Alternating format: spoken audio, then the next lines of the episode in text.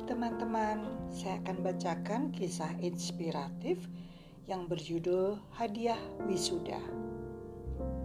Tinggal beberapa minggu lagi, Billy akan menyelesaikan studinya di universitas.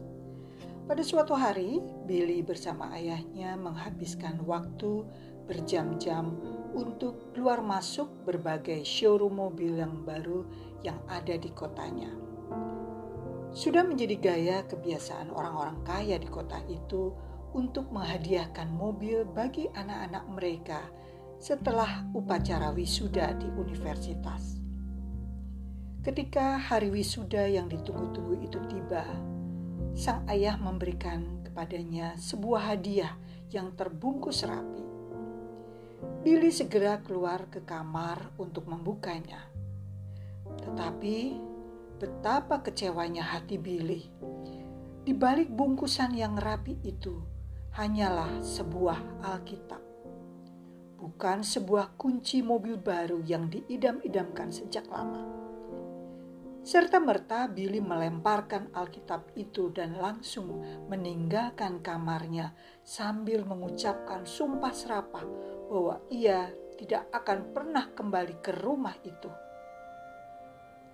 Sejak hari itu, Billy dan ayahnya tidak pernah saling lagi bertemu. Namun demikian, berita kematian ayahnya beberapa tahun kemudian membawa Billy ke rumahnya kembali. Pada suatu malam, ketika tengah memeriksa harta milik ayahnya yang akan menjadi warisannya, Billy kembali menemukan Alkitab yang dulu pernah dihadiahkan sang ayah kepadanya. Ia membersihkan debunya dan untuk pertama kalinya ia membuka Alkitab itu. Tiba-tiba Billy menangis terharu.